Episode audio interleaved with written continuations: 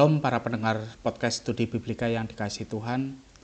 Pada kali ini kita akan merenungkan satu bagian menjelang masa Natal, yaitu merendahkan diri seperti Kristus.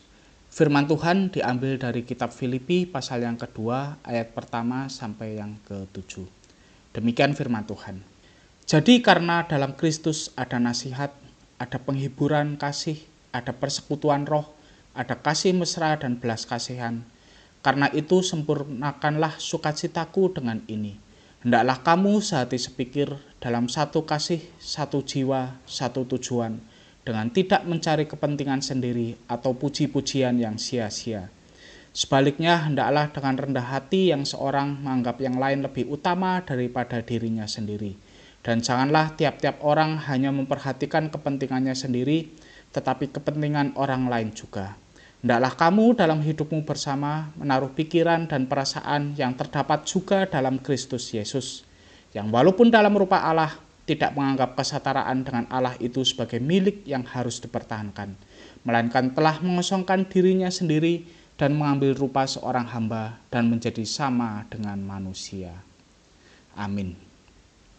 Natal merupakan sebuah momen bahagia, bukan hanya bagi orang Kristen, namun juga bagi yang lainnya tidak hanya gereja yang dihias dengan berbagai ornamen Natal, tetapi juga pusat-pusat perbelanjaan menyemarakkan Natal dengan berbagai hiasan. Tentu saja berbagai promo dan diskon yang menarik juga menyertainya. Menurut saya pribadi, tidak ada salahnya merayakan Natal dengan kemeriahan karena pada dasarnya Natal merupakan momen bersukacita atas kelahiran juru selamat tetapi kita jangan melupakan bahwa kelahiran Kristus merupakan peristiwa yang terjadi dalam kesederhanaan. Dia terlahir dari perempuan biasa, pasangan seorang tukang kayu. Lahirnya pun di palungan, tempat makan ternak. Yang pertama-tama dikabari oleh malaikat pun adalah para gembala, orang-orang dengan status yang rendah pada masa itu. Tetapi jika kita menelisik lebih dalam lagi, peristiwa Natal jauh lebih mengenaskan dibanding itu. Bayi yang lahir itu adalah anak Allah yang rela turun ke dalam dunia untuk menjalankan misi penebusan.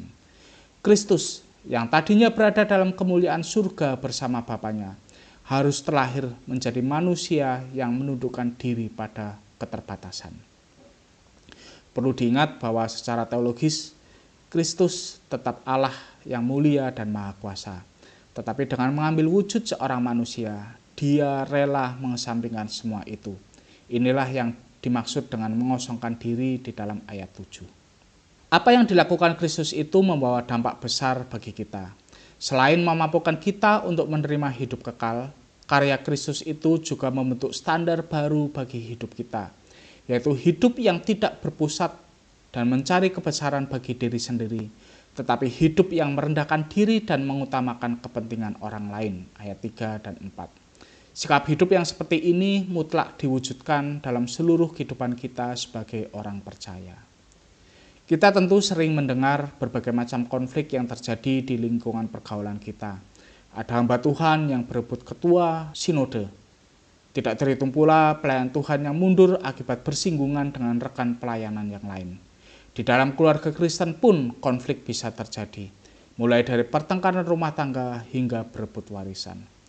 Apa akar masalahnya?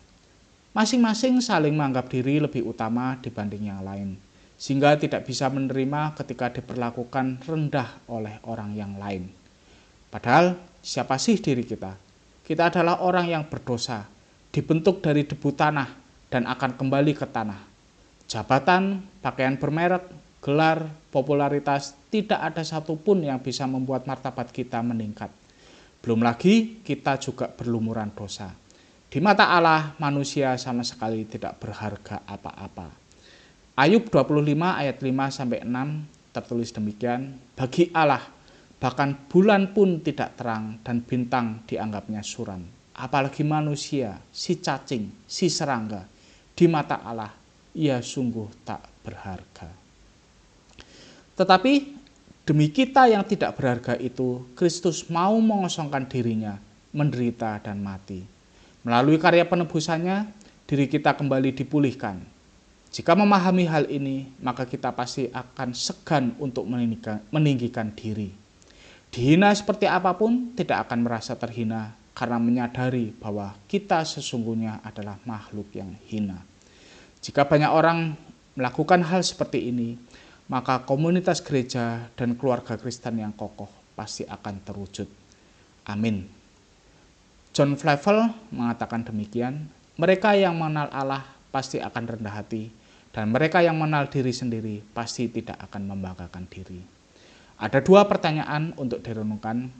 Yang pertama, apakah merendahkan diri berarti kita tidak boleh melawan ketika menerima perlakuan yang tidak adil?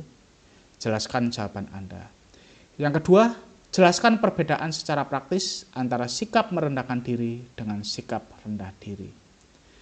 Sampai jumpa di dalam episode-episode selanjutnya. Tuhan memberkati.